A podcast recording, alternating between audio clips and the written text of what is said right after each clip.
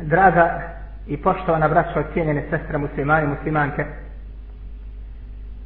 na početku bi tražio onaj izvinjenja jer zaista bih volio da ovu temu znači detaljno iscepno odradimo međutim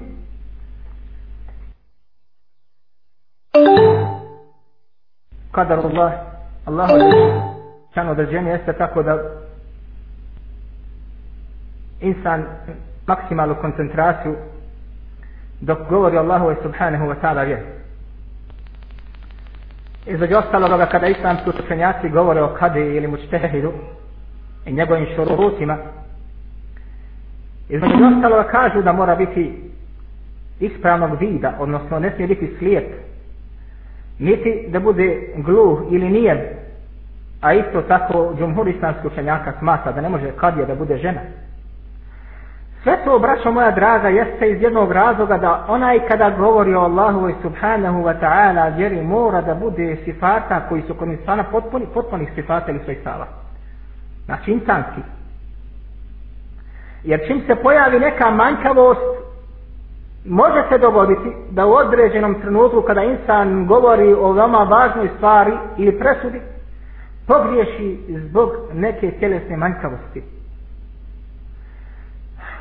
Isto tako kad islam činjaci govore o samom činu suđenja, kažu kabija ili sudac ne smije da presudi dok je gadi ili dok je ljut.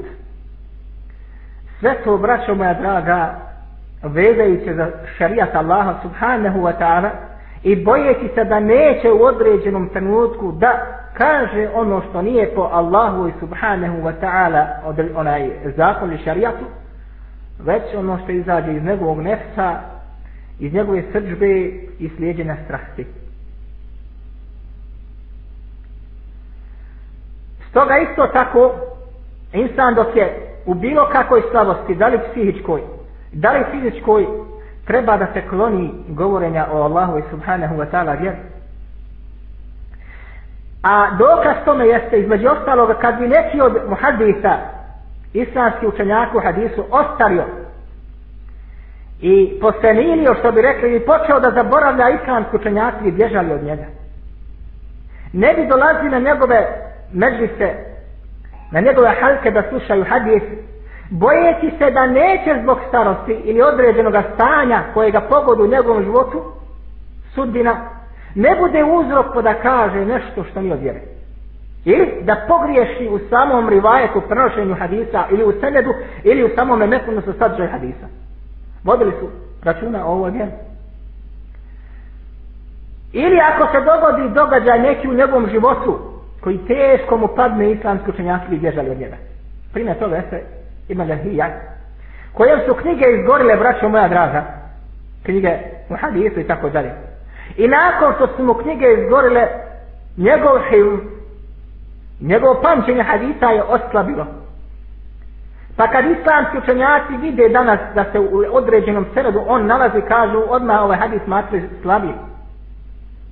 A oni koji su precizni u hadiskoj nauci, kažu i koji znaju one koji su slušali prije nego što je počeo da miješa hadise, i koji su slušali kod njega prije nego što su mu knjige izgorile, kaže hadis, nam dolaz od njega jeste, međutim, prenosila se ako bi znači u njegovom međlisu sjedio onaj koji je slušao hadise prije nego što smo knjige izgorele i ako bi taj koji imao preciznost imao znanja dobrog, teškog u ilmu hadis, znao bi da razluči pa kaže ovaj sjedio kod njega, juče od njega onda kada je imao svoje knjige prije nego što smo izgorele isto tako braćo moja draga je insan kada ima bolest treba se čuvati pogotovo ako ta bolest može da utješe njegov psihu da govori o vjerskim pitanjima stoga ćemo mi inša Allahu ta'ala ona večeras nakratko spomenuti ove stvari da ne bi dužili iako je moj način takav da volim odraditi temu detaljno jer mnogi od nas mnoge stvari ćemo prvi puta Iako se precizno i detaljno obrade, često može insan da te stvari slabo shvati. I mogu biti uzrok da nakon slabog shvatane druge uputi na ono što je pogrešno razumio. Zato ćemo inša Allahu ta'ala onako u grubom spomenuti ovu drugu skupinu, a prvu smo obradili. Pa smo rekli da postoje te četiri skupine koji se bore protiv muvehida onoga koji istinski obožaje Allaha subhanahu wa ta'ala.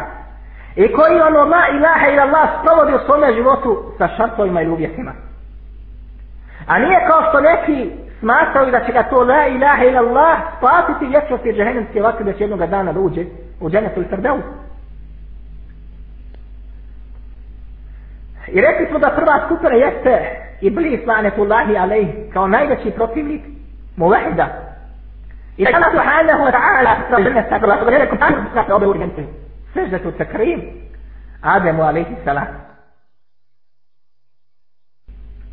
pa smo rekli da u drugu skupinu spadaju ehlul kitab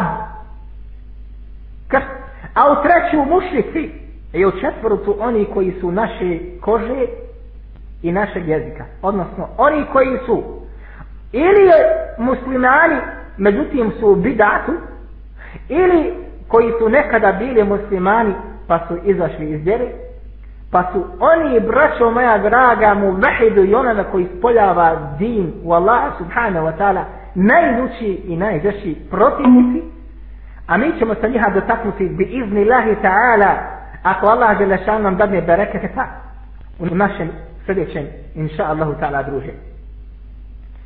A večeras uz Allahu subhanahu wa ta'ala pomoć ćemo se dotaknuti neprijatelja mu vahida od krstaša židova i kršćanja i od mušrika. Od mušrika koji su u osnovi mušici i od mušrika koji su pod nazivom muslimani ili hoće da se uklješte i ovaj plašt islama, međutim, islam sa njima nema nikakve povezanosti. Sigurno, braćo moja, da ćemo se složiti kako kroz Allah subhanahu wa ta'ala riječi da neće biti ili da nema većih neprijatelja za muvahida, za mu'mina, osim oni koji su učinili Allahu subhanahu wa ta'ala širk. Bilo da je od osnove u širku i bilo da je šta? Bio musliman, a nakon toga učinio širka Allahu subhanahu wa ta'ala i njemu poziva. Jer onaj koji poziva širku, a smatra se da je pod marijakom islama. Ti si njemu postao otvoreni neprijatelj, jer ti ljudima pojašnjavaš šta je to širk. Šta je to ibadet mimo Allaha subhanahu wa ta'ala koji nije dozvoljen. I za koji se ulazi u vječnu džehennemsku vatru iz koje se nikada neće izaći. I kad počneš ljudima obznanivati, odmah to nađe u tome što ti pojašnjavaš. i ti si postao za njega otvoreni neprijatelj broj jedan i on će se protiv tebe boriti na svaki mogući način. I kaže Allah subhanahu wa ta'ala لَتَسْمَعُنَ مِنَ الَّذِينَ أُوتُوا الْكِتَابَ مِنْ قَبْلِكُمْ وَمِنَ الَّذِينَ أَشْرَكُوا أَذَا كَثِيرًا Kaže, vi ćete zaista slušati مِنَ الَّذِينَ أُوتُوا الْكِتَابَ od onih kojima je data knjiga A utul kitab oni kojima je data knjiga jesu židovi i kršćani. Min kablikum znači prije vas židovi i kršćani. Wa min alladhina ashraku i oni koji su Allahu subhanahu wa ta'ala učinili širk. Kažu islamski učenjaci da ovo min alladhina ashraku ulaze oni koji su ostali mušnici i oni koji su nekada bili muslimani pa su izašli iz islama nakon toga što su počinili Allahu subhanahu wa ta'ala širka. Dakle, u ovome umetu, braćo moja draga, i tekako da ima oni koji ne obožavaju Allaha subhanahu wa ta'ala, onako kako im je naredio, nego su svojim ibadetima Allahu subhanahu wa ta'ala se družili druga. Dakle, slušajte to nihar. Eza kehira teške i česte uvrede, mnogo će vas vrijeđati na svakom koraku. Vi, braćo moja, dobro da znate prije par mjeseci šta su govorili Allahom poslaniku, sallallahu alaihi wa sallam, po čitavoj evoki. Vrijeđali su Allahova poslanika, sallallahu alaihi wa sallam. A tek nekoliko dana unazad ili mjesec dana unazad vođa kufra u, u Njemačkoj je izjavio ono što je izjavio. Vođa kufra iz Vatikana, se razumijemo. Ja sam pojasnio u prošlom drsu da je neistano za njega reći da je papa. Pa. Zbog jezičke strane, zato što to znači otac. Ne treba mu dati nikakvu, što bi rekli, nikakav lav ili izraz sa kojim se daj mu poštovanje, nikako. Jer ga nije zaslužio. Izraz poštovanja i uvažanja se daje mu'minu. I kaže Allah u postari sallallahu alaihi wa sallam u vjerodostanima hadisu, nemojte reći mu naziku se jidi, gospodine. Ako budete to uradili, nasa će fitnati na redi. Ne ima sumnje. Međutim, braćo moja, danas se monafici, otpadnici od vjere, i kjafiri i vođe kufra nazivaju najljepšim imenima. I njima daju najljepše prednake. Navedu prije njima imena 5, 6, 5, A kad se spomeni neko od mu'mina, spomeni se po loše. Kažu čak vraćo moja draga u islamskim časopisima. Za one koji se bore na Allahom subhanahu wa ta'ala putu da su šta? Kažu odnesnici, odnosno da su razvojnici i tako dalje i tako dalje. A kad se ta terminologija razbojnik, stavi u šarijatsku vagu fekha posebno poglavlje u fekhu govori gdje se kaže poglavlje o razbojnicima što bi rekli razbojnik odnosno oni koji su izašli ispod su onaj okvira sultana i njegov, njegove vlasti zar su oni koji se danas bore protiv kufra dostigli tu tiču da se kod muslimana po časopisima nazivaju razbojnicima, odmetnicima. Dok s druge strane, oni koji su poznati po nifaku njima daju najljepše nazive i titule.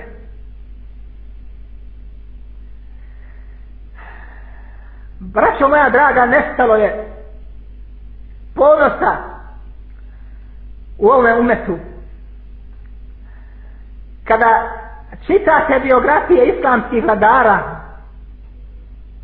koji su bili u prvim stoljećima islama ne možete da zamislite da su to bili ljudi da su mogli da vladaju zemlju osobe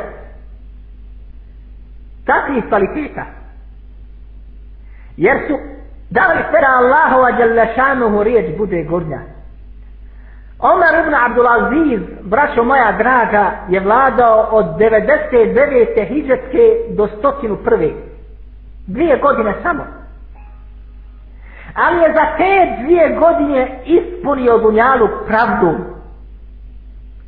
Sve knjige sile, sve knjige tariha i istorije govori o tome.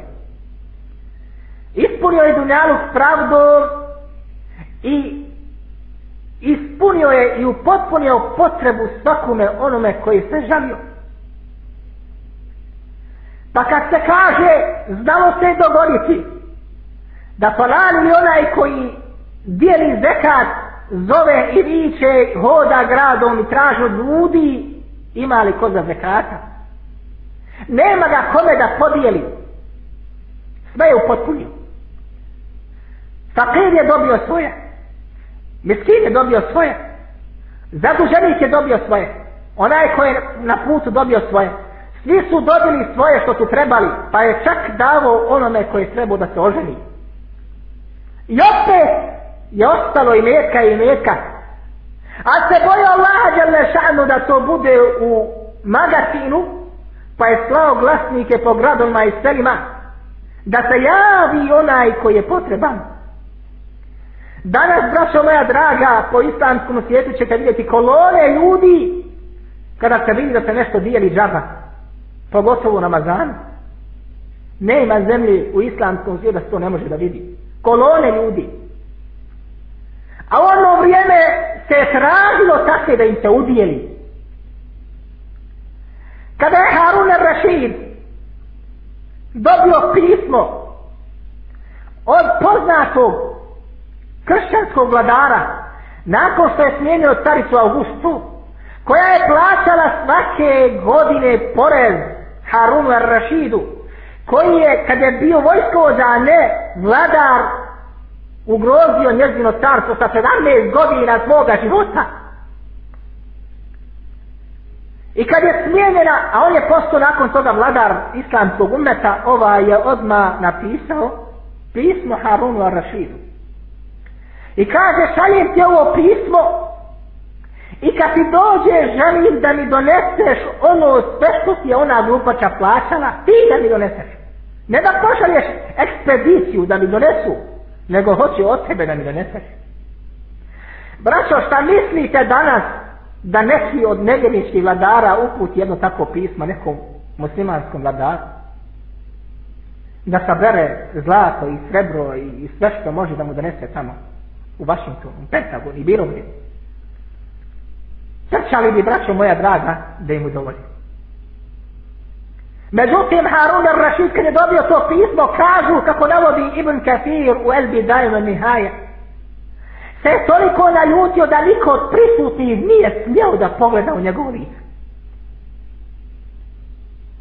I kaže odmah ono što mi je dolio pismo, kaže piši na poleđinu, nemoj nogu piši, nego na poleđinu odmah piši. Jakel Baru. Kaže sve to jedno bizantijsko. Jedne kafire kaže i sine nevjerički.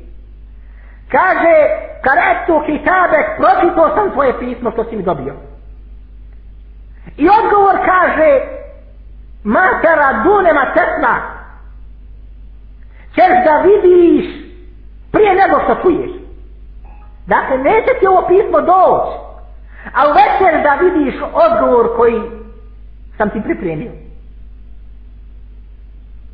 Pa je uzjahao na konja, odsedla vojsku i krenuo prema tome gradu, prema tome kjafri, prema vodi kufra koji je poslao po pismo. Pa je ponizno mu pao pod koljena nakon što je ubušio i, i nakon što je grad totalno se brekli srušio. I ponovo pristuo na porez da će plaćati plaćovi. Ovaj. Ne ima više ove ponosa, draga moja braća. Harun je Rashid, koji je ipak ima određene slabosti, međutim uradio je hajra i hajra, jer je težio ka i'tizal ili mu'tezilima, koji su tada bili aktivni. Jer su bile fitne, nije se mogu razazati hak od batila. Osim onome koje se Allah subhanahu wa ta'ala smilova. Kao što danas muslimani lutaju i teško mogu da spoznaju šta je pravi put, a šta je to zabluda. Jer svako poziva na svoju vodenicu. Mlinova se niz nije kuporedalo koliko hoćeš, a vodotok slab. Pa navete, kad pogledaš neko prokupo dodatni kanal, odvojio sebi rukavac jedan da njegova vodenica bolje radi. Sutri dan nekom došlo da grnu, pa sebi prokupu. E tako se danas, braćo moja, radi. Pravi se sahrej po islamskim knjigama izvode citate jedne, a sakriju druge. I serviraju meni sebi da to jedemo. Wallahi, braćo moja draga. Izvode govore šeho li srama Ibn Taymiye i Ibn Qajma i Jelzija i imama Ahmeda i ostali islamski čenjaka iz njehovi dijela. Kao biva on je to rekao. Kad se vratiš tamo nazad, vidiš da prije tog govora ima jedan govor i nakon toga drugi govor i na drugom mjestu treći govor koji to sve pojašnjava i dobija se jedna konkretnija slika koji ima drugačiji izraz. Zato sam slušao jednog koji poziva narobe Iraka da bace oružje. Jedan braćo moja draga, njegovo ime je poznato islamskom svijetu i poziva narod Iraka da se ne bore protiv Amerike kao što su nas Srbi 92. je titala Evropa i Amerika pozivali da se ne borimo protiv Srbije jer bo su jači neće niko preživit i ko što ne je Karadić obećavu trećinu pobit, trećinu pokrstit trećinu protirat tako ovaj pod navodnim znacima islamsko čeljak poziva narod Iraka na svojoj kaseti ili versu da baci oružje se predaju Jer kažu u islamskom pravu ili fekho fekho lakja. Ako si slab, dozvodno će da se predaš, da izbjegneš veću štetu. Ha! Maslaha, veća korist, da se predaš nego da se boriš, jer bo Ako se budete odupirali, Amerikanci će vas potu skroz, stradaće svijet, porušće se gradovi, porušće se sela, pobiće se svijet i tako dalje. Što znači bujnom Ameriku svaki dio ako hoćete islamskog svijeta što mi danas slabi, mi se nećemo tu spati vas, vrata sam otvorena, jer u našem sveku tako stoji. Šta mu dokaz za to? Pa kaže, dokaz za to jeste govor šehu li sama ibn Tajmi. Maša Allah. Šta? Pa kaže, čak navodi koja je to i koja stranica, da je šehu li sama ibn Tajmi rekao, ako su muslimani slabi, a ne prijatelji pa dozvore kaže da se predaju zbog toga što može nastati veća šteta od koristi. To je stvarno zaista tako u fiksko pravilo. Nema problema. Međutim, na tome stao je nije dalje išao. I mi se vratili na ono što rekao nam kad samo stoji, kaže međutim, na njima je obaveza istiadad ili priprema za džihad. Dobro, sad smo slabi. Ne možemo. Srbi došlo u kesniku podlogi sve na nas 50 sa puškama. A oni imaju haubice i tenkove i helikoptere tuku nas, žele djeca umiru. Vidimo da ćemo stradat, dobro mi stradat, ali stradat će čitav svijet. Postoji mogućnost nagodbe, ako ima povjerenja, može se znači postići. Kompromis, ali sad na braćo moja draga, ko što smo uvjeli su prošlosti, nema kompromisa. Pa sa šarijatske strane je dozvoljno prihvatiti kompromis čak za parove, da bi se spasili negni životi žena i djece staraka. Ali, ako postoji 100% sigurnost da se taj ugovor ispoštovati. Zato kaže nakon toga šeho koji sam taj nije, ako se pristane na to, onda je obaveza istiadad priprema za oslobađanje, odnosno priprema za džihad. Jer, shodno kaže šarijatskom pravilu, da bi nešto postalo važiti Svi putovi ka tome jesu vađi. Džihad je vađi, njima pogotovo fardu naj. I svi putovi ka tome, a to je priprema, postaju njima obavezni čin. I kao što kaže, i zatim navodi kaže, kao što je kaže namaz vađi, međutim putevi do namaza isto tako postaju vađi, a to je šta? Abdes. Jer možeš kone bez abdesa? Ne možeš. Moraš da izvršiš taj vađi, da bi onaj vađi isto tako izvršio. Zato kaže Allah subhanahu wa ta'ala da će muslimani znači doživljavati teške uvrede od sjedbenika kufra i širka. Jedna braća moja draga teška uvreda primjer toga kao što to Allah želešanu kroz Kur'an spominje jesu riječi židova koji kažu za Allah subhanahu wa ta'ala in Allah je fakir kaže Allah je zaista siromah ne uzu billahi ta'ala međutim ovo nije fakir braćo moja draga u arabskom jeziku znači da ne može da zaradi fakr se kraže za pršljen kičmi Pa kažu jedni islamski učenjaci u arabskom jeziku kad tumače to, kaže kao što kada insanu se povrijedi neki pršnjen kisme ne može da oda, isto tako fakir ili siroma taj ne može, nema načina i puta da zaradi novac. Što bi rekli, ukrije se invalidska kolica, što bi rekli, da malo bolje se shvatite. Zato kaži, ne kaži inna Allahe miski, nego kaži fakir, vidite. Inna Allahe fakirun, pa zato kaže, wa nahnu agrija, a mi to kaže Boga kaži. Nema braćo mu'mina, a da mu se neće koža najediti kada sluša ove riječi kako je Allah subhanahu wa ta'ala opisuje u Kur'an. A onda slušate nekog islamskog učenjaka da kaže da je kaže rat između nas i židova kaže samo zemaljski je prirod odnosno za zemlju. Ne oni ništa kaj sa njima sliče vjeru. Nego samo zbog granica ovo je podvala i laž da su samo ovo rekli obavezno je na sve muslimane se protiv njih arbore do sudnjega dana da su rekli in Allahe faqiru manadu agnija i ovaj što je rekao ovo braćo moja draga jeste čije se knjige po Bosni prevode svaka nova njegova kad izađe odmah je po Bosni prevode i da je Bog on samo ovo rekao nego je rekao mnoge druge stvari, a nije na večeras vakt ili tema o tome. Zatim, kako kršćani govore i vrijeđaju muslimane kroz Allahu subhanahu wa ta'ala govor da pogledamo i kažu kršćani, el mesih ibnu Allah, kažu mesih, Isa ibnu Marjan, jeste Isus, jeste kaže Allahov sin, Nema teže, braćo, moja draga, uvrede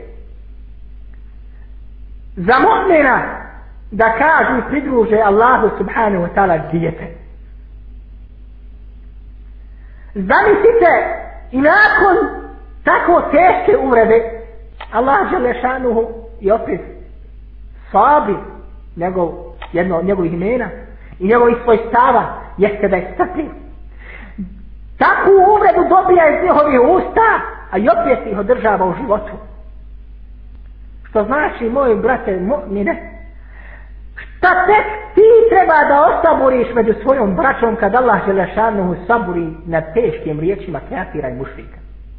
Mi danas smeta nam što brat ima prljavu čarasu došlo u dani da klanja. Ili poderanu nogavicu i šta ja znam. Smeta nam. I odmah protiv njega No samo ga posjeduju zbog jednih malenkosti. Smeta nam što brat ne može da mjesečno izvori deset maraka da pomoge Allahu Zalešanu vjeru. Ne na čovjek. Ne možemo osaburat, ne preskakemo pomoć. Smeta nam što brat nije baš na nekom stepenu nivou vjere da shvata određene stvari pa zbog slabog shvatanja često se sa nama opriječi i tako dalje smeta tu. Allah je našanoho sabori na ovakvim riječima židova i kršana.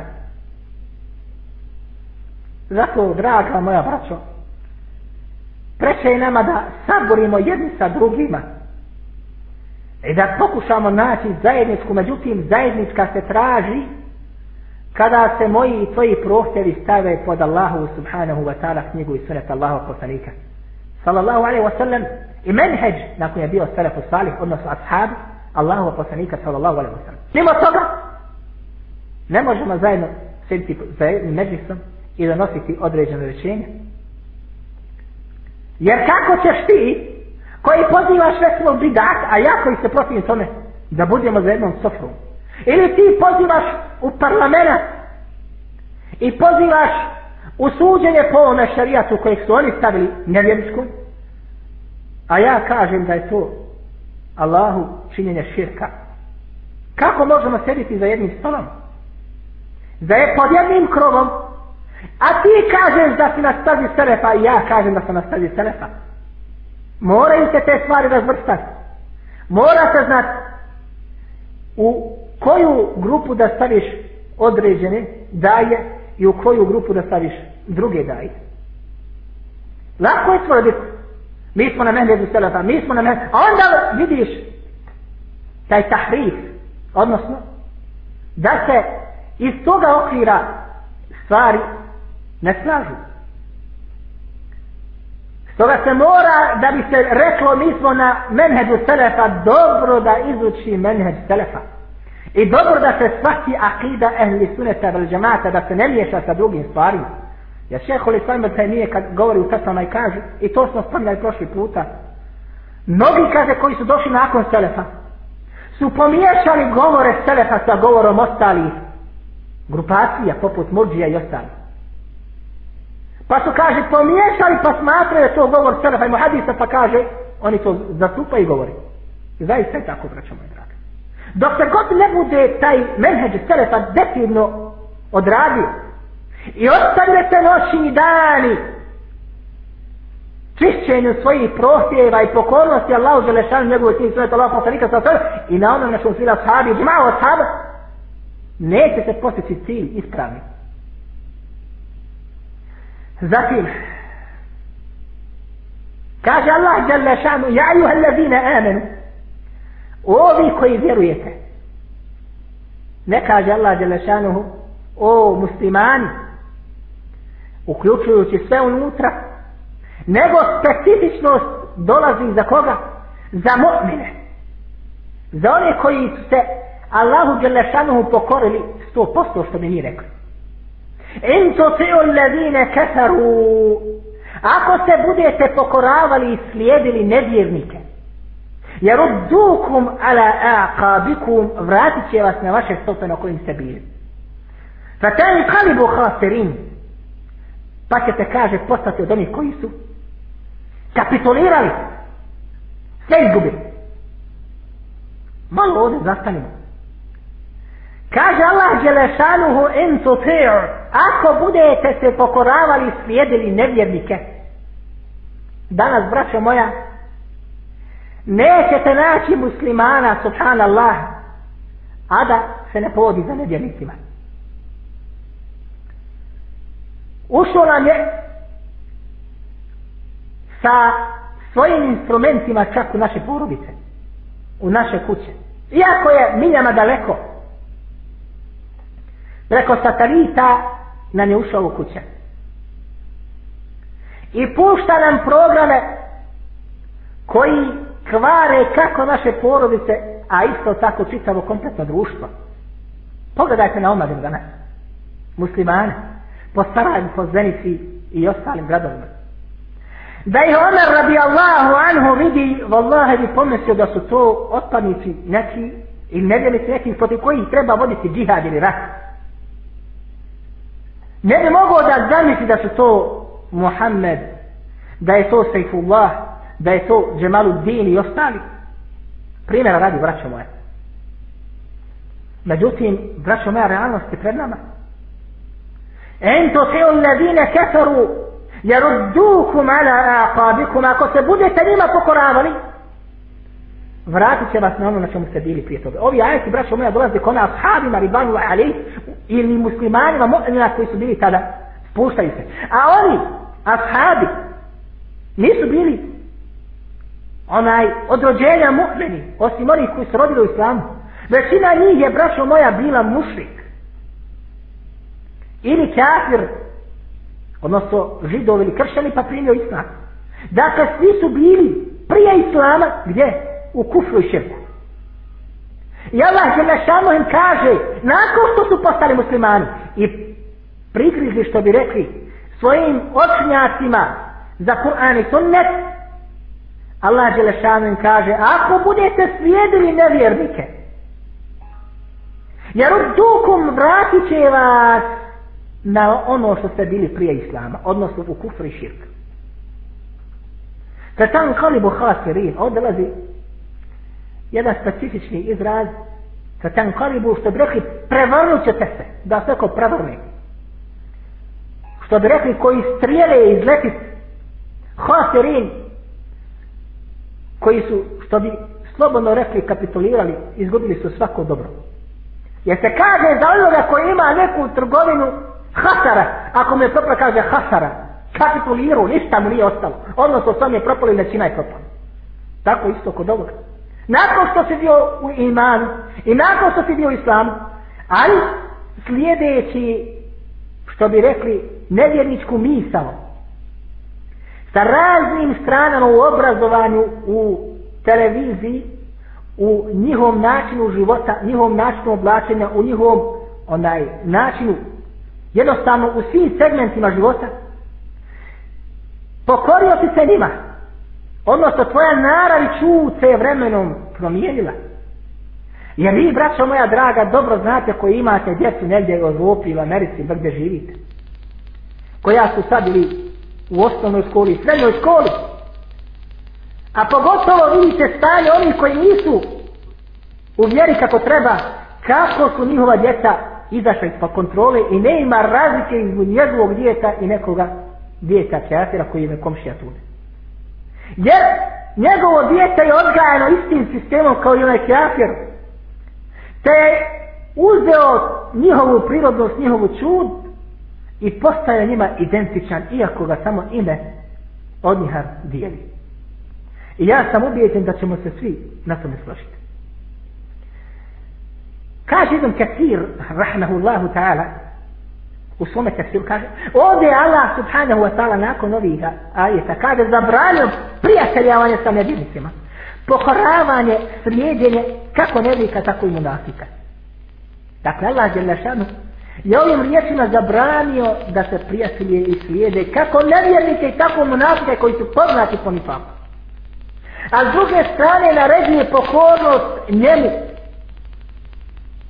ljubav prema njemu, potpomaganje sa njim i osloncu njega, na njega i kazavši između osa, belillahu maulakum, Allah je vaš zaštitnik.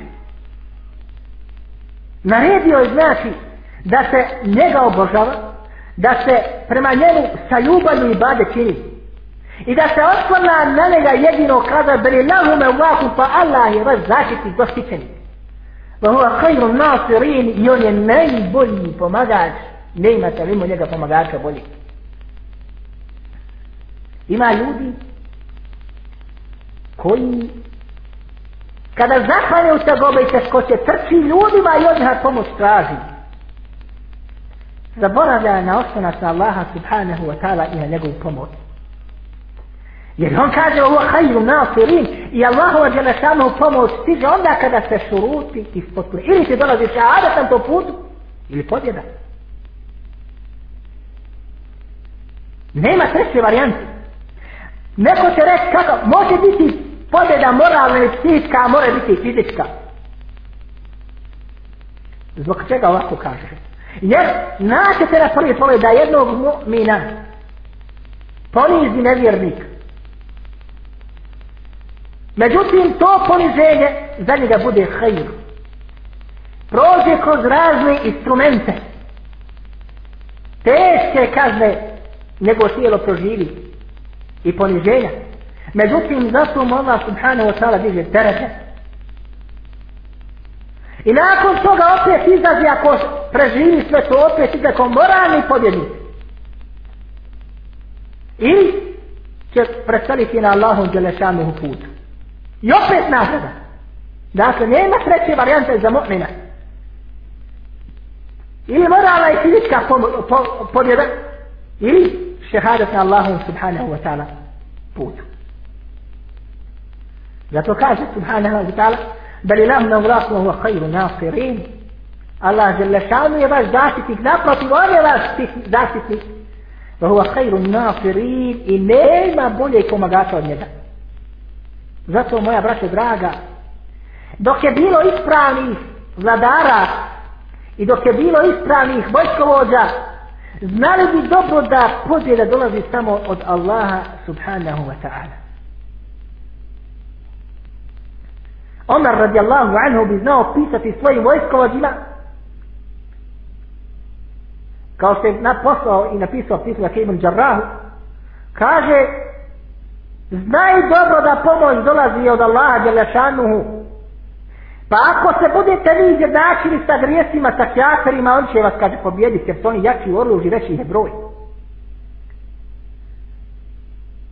Insan se danas pita zbog čega ne ima pobjede. Zbog čega porazi se ni za jedan za drugijem. Evo si odgovora. Ako se budeš izjednačio u rješenju prema Allahu subhanahu wa ta'ala, nećeš pobjediti. Bićeš ponižen i izgubit ćeš. Jer su oni jači po oružju i po brojnosti vojske i tehnologije. A ako bude s osnovom Allaha subhanahu wa ta'ala ne ima te sile koja te može da pobjedi jer Allah ne lešanu u sobom a huva hajdu nasirin, oni najbolji pomagati. I primjer zato nam jeste primjer bitke na muti. Gdje tri hiljade muslimana izašlo da se susretni sa 200.000 kršćana. Kako se kaže u Siri, stotinu hiljada je bilo vojne sile, odnosno vojnika i pridružilo im se stotinu, selja, stotinu hiljada seljaka i drugi dobrovoljno.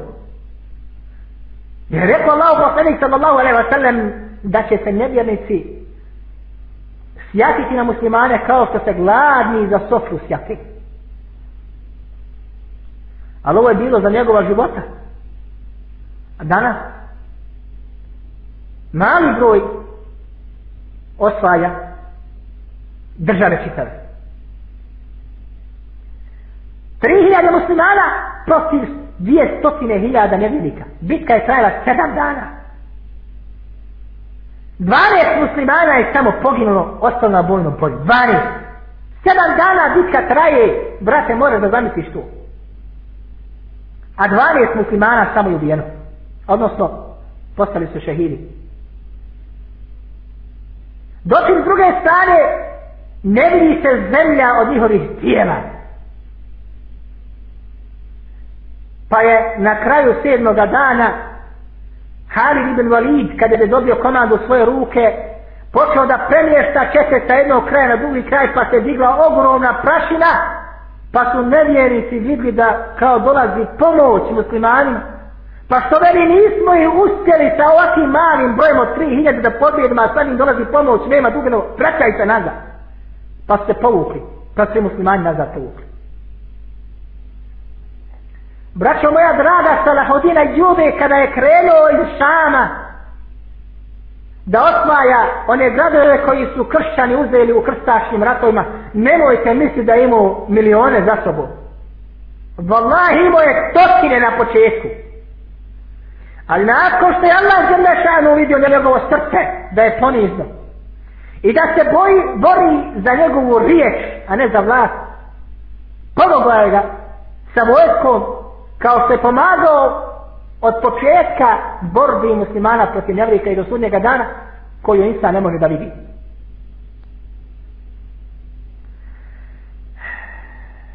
Zatim Allah subhanahu wa ta'ala je kroz ajete ili kroz svoju figu pojasnio da će ubacivati u srca njihovih neprijatelja, neprijatelja mu'mina, pa makar oni bili nevjernici, bakar bili ehlul kitab, židovi kršćani, makar bili mušljici, bakar bili bidađi ili novotari, makar bili odpadnici od islama, u njihova srca će da ulijeva strah, strah od istinskog mu'mine. I da će poniženje da ih pogodi kada se pojavi mu'min pred njim. Hasan el Basri, braćo moja draga, koliko puta mu se radilo u glavi? Čak su ga pozivali toliko puta vladar da mu glavu osijeku. I kad bi došli po njega, pozvao onaj kurir, pismonoša kaže, hajde, poziva se i kaže, pripremi se, jer ti kaže glava ide, jer kaže, vidio sam da je vladar pripremio kožu i sablju. Pa kaže ovaj pismonoša što bi rekli kurir, kad ga je dobio pred vladara, a koža prostrta, u ono vrijeme se tako radilo, kad se prostre koža, znaje dobro da će ti iz glava. I stavljamo kaj za pasom. Međutim, kaže, poslije sa njim lijepo da razgovara, kako si šta ima, pa reci mi ovaj propis, reci mi ovaj propis, reci mi ovaj propis, reci onaj propis, na kraju bi mi još kesto zlatim kada ti ovdje odijene. Kada okači srce za Allaha djelne šanu, odnosno kada svoje srce predaš subhanahu wa ta'ala uzor ilahi ta'ala, neminovno braćo moja da dolazi, ili pomoć, ili šehadet, Nema treće, opet kaže. Iz kojeg razloga dolaze ili strah u njoj srcima ili poniženje? Kaže Ibn Kepi, iz, zbog toga što su u kufu ili širku. A ti si mu'min. Ovi ostali koji se bore protiv tebe, od nevjernika, uniđe u njihova srca strah od svog imana. Jesi ti mu'min u Allaha Đelešanu, a oni su nevjenici u njega i zanijekali su ga. Pogledajte danas, braćo moja drago, od nekih imena, ako se samo spomeni, čitav Amerika se trese. Ratovi se ko biva zbog samo pojedinih osoba kao vodi. Milioni dolara se plaćaju za samo informacije o njima. Za nije istina ovo. Nema sumnje, braćo moja draga, da je u srcima nevjenika od samo takbira Allahu Akbar se ulije veliki strah.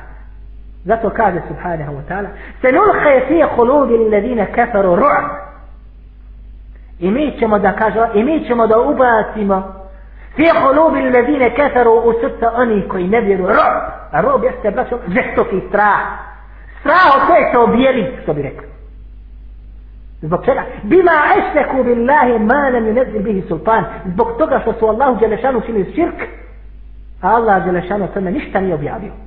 Wa ma'wahumu nar wa bi'sa mathal zalimin. Ini ma da bude jehenem kabatra wa bi'sa mathal zalimin. A kako li je tek ružan taj mekan, to mjesto za pripremljen za nevjernike. Dakle, garancija od Allaha Đelešanu dolazi da će im u njihova srca da usadi strah Što bi rekli od kojeg se kosa cijedi. Sve ovo pojašnjava isto tako hadis Allaho poslanika sallallahu alaihi wa sallam. koje bilježi imamo Bukhari i ostali učenjaci hadisa gdje kaže Allaho poslanik o ti tu hamten kaj datom je kaže pet stvari lem yu'tahunne ahad i nije ti pet stvari dato nikome minel enbiya kabli od vjerovjesnika koji došli prije mene Dakle, našem Allahom poslaniku sallallahu alaihi wa sallam je braćo moja draga i poštovane sestre dato pet stvari koje nisu date ni jednom vjerovjesniku primjega.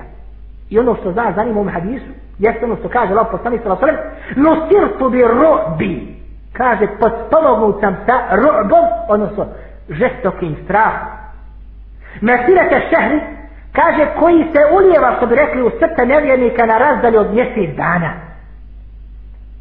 To je blagodat koja je data ume umetu. Poslaniku Alehi Salatu Veselam, naravno i njegovom umetu. Zato kad se pojavi jedna skupina onih koji dignu barjak la ilaha ila Allah, koji ispravno vjeru Allah subhanahu wa ta'ala, braće moja draga, tresu se koljena nego i nisima, nego onima koji ih šalju. Dobro. Allah Đelešanu je obećao pomoć muslimani i obećao je ubaciti strah u puta nevjernika. Allahu poslani sallallahu sallam je obećao da će traj strah stizati na udaljenost od mjesec dana putovanja. Dobro. Postavlja se pitanje sada, draga moja braćo, otkuda nevjerima tolika hrabrost da su nam mušnici i kjakre raznih boja i zastava došli u avlju i nad nama iskazali svoju snagu i svoj ponos. Jer ako samo džeknete se malo kroz prozor u islamski svijet naći ovaj hal čak ne treba tu islamski svijet eto ti tvoje alije kažemo znaj da pomoć od Allaha Đelešanuhu i njegovo stičenistvo i ubacivanje straha u srca nevini kad dolazi osim pod šarpojima ili uvjetima ne ima ti pomoći osim ako ne budeš ispunio a, brato moji šarpove i uvjete kao što nećeš proći u škole ni na fakultetu na, na ispitu ako ne bude se dobro šta pripremio ti dođi ti dođi pred profesora ne budeš ni pripremio ne da ti proći obarat osim ako mu daneš mito zato Ibn Kathir kaže ispostavlja šakva i kaže Allah je Želešanu je zabranio prijateljame sa mušicima i nevjericima. Zabranio pokornost njima i zabranio slijedjenje kako nevjerika, tako i munafika. Dobro. A s druge strane je naredio šta, pokornost njemu, ljubav sama njemu, odnosno prijateljavanje sa mu'minima, potpomaganje ili istijanje se samo sa njim i osnovna se na njega. Eto, ovo su šastari. S jedne strane ono odricanje i ostalo, a s druge strane znaš da Allah ispunjava onoga što Allah Đešan traži od mu'mina. Dobro, ja vas pitan, jesu li muslimani danas prošli ovaj ispit? Jesu li muslimani danas prošli ovaj ispit? Odnosno, da li su muslimani danas ispunili ove šatrove?